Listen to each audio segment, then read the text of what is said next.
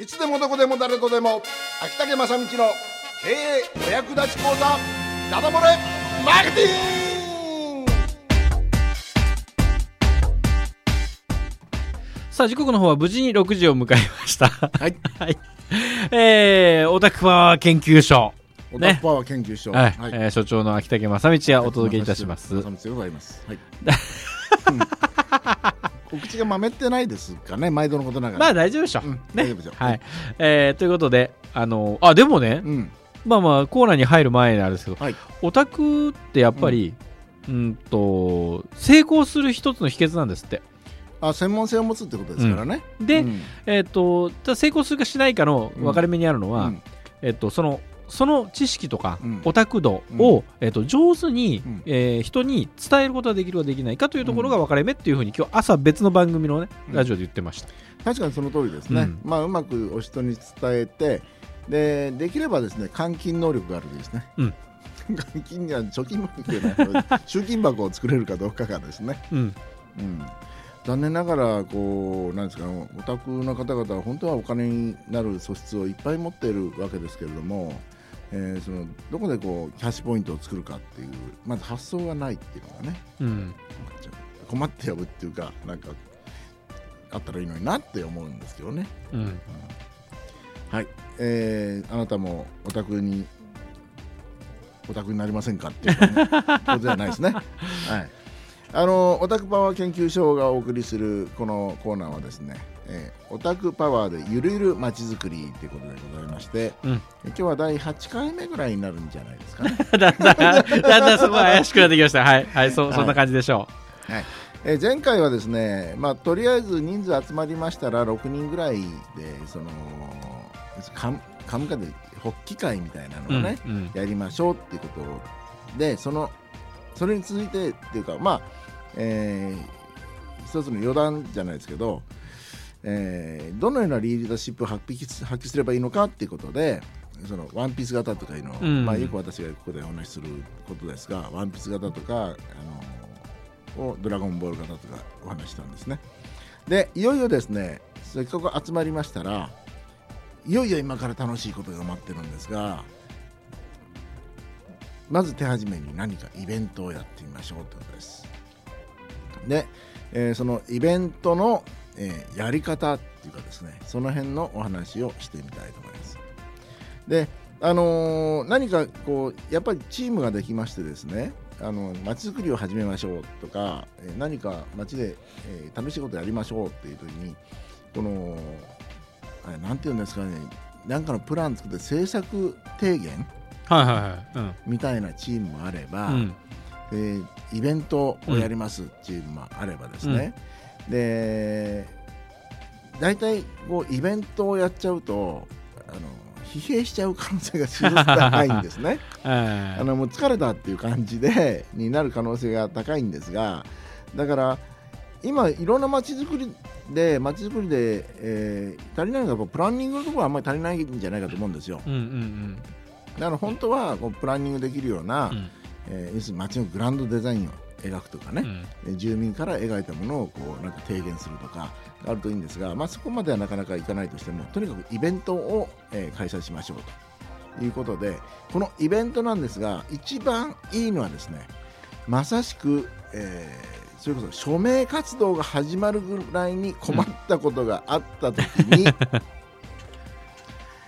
いいの一番で手を挙げると、うん。えーこれがミソでございます。うん。えー何かねこう不幸事を期待するような言い方になっちゃ困るんですけど、うん。あそういうつもりはないんですけど例えば何か街であの問題が起きましたと、うん。でまあ、天候であったり、えー災害であったりとかいうことがあるのもうこんな時はですねもう命番にやりましょうと、うん。あるいは街で何かが取り壊されるとかえ資源がこう脅かされるとか、いうことがありましたらその命一番にもうこれがやっぱ大切だと思えばですね、えーそういうところから入るということが、えーいいんじゃないかと思ってるわけです。でそういうのがなくてもですね、まあえー私たち何かしたいと。じゃああの商店街の中で、えーちょっとした雑貨市やりましょうとか、朝市やりましょうとかフリーマーケットやりましょうとか、えーそういうのでもいいですから、えー何かあもちろん音楽とかね、うん。えー劇でもいいわけですけどやりましょうって言った時に何かとりあえず計画してみるということが大切でしてそれでそこを、えー、一番最初に何何をするかって言ったらですねもう大枠決まらなくてもですね、うん。まあ、決めなきゃいけないんですが、えー、大体こんなことしたいって決まったらですねこれを身につけてほしいのはイベントプラスのマスコミリリース。そう。ここなんです、うん。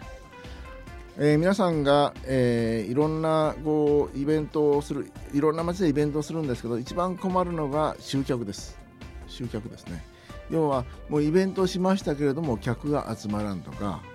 えーいうことでなんか閑散としてる 閑古鳥が鳴いてるっていうような、なんかもうしんどいだけだったみたいなことになっちゃうんでそれと,、えー、と集客をするためにチラシを使ったりするとですねやっぱりお金がかかっちゃうっていうのがありますので、だからここはですねもう新しい団体だったり新しいグループとして何かするとまずマスコミリリース。で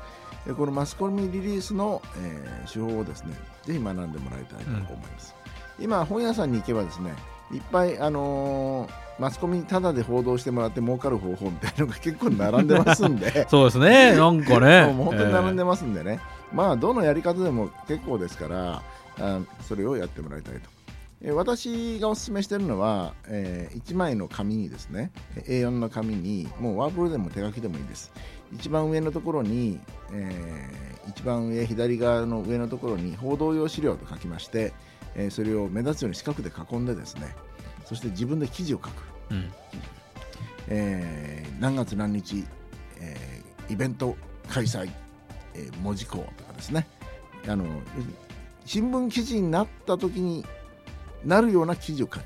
うんうんうん。そうそうそうそう。自分の記事記者の間に作っちゃうって話です、うん。えーそしてそれをですね流すわけです。でそれをもうファックスするだけ。でその時にファックスにどこにするかっていうことなんですがこれはもう新聞社ですね、うん。新聞社。ところが私記者を知らない。全然マスコミにこうなんですか、えーつながりがない。つながりがうん。これがないっていう方もいっぱいいらっしゃると思いますが、その時はですねまず新聞社に電話します、うん。例えば Y 新聞社に電話しまして、えーマスコミリリース報道用資料をお流しさせてもらいたいんですけれどもファックスの番号何番でしょうかって聞いてください。そうしますと快くですねあそれでしたら何々何の何々何に流してくださいっていうことになります、うん。で中にはですその時にですねあのどういう内容ですかって聞かれることがあります、うん。でその時はですねあのいや実はこうこうこうのイベントがあるんですっていうことで、えーお願いしたいんですかっていうのはもう速攻でそれで OK ですから、うん。で流せばですねもう早い時はそのし流した瞬間に、えー電話が来ることがありますし、えーそれから、えーもしかしたら乗らない可能性もありますけれども、でイベントをするときにぜひですね、あのーこの紙のそのペーパーの中にですね、え集客がなんとかしたいので初めてなので集客したいので告知記事をお願いしますっていうようなことを書ですね。うん。告知のための記事をお願いします。うん。えーそういうような、えーテクニックをですねイベント開催とともにこのマスコミリリース要するに、えー無料で、えー宣伝してもらう方法っていうのをぜひ学んでいただきたい、うんでこれができればですね後々もう本当にあのイベントすることが、えーにこう力を得たというかイベントはですねえー運営型で働く人とそれと予算とですねあとは集客ですね。この3つが大切なので集客ができるということになりますと、うんうん。えーまずもう、あのー安心してイベントができるようになりますからね。でもしあの運営型はもうすでに Facebook とかでねそうですね。グループ集めてますからね、うん。大丈夫なんであとは集客どうするかということですし、あと予算はですねマスコミにご協力いただければ、えーもうあんまりかかんないことになりますんで、うんうん。一番かかるのはチラシ代とかそうそうそそうういう広告費がかかりますからそうするととにかく集客する技さええー身につけてそして、えー身内の運営型をその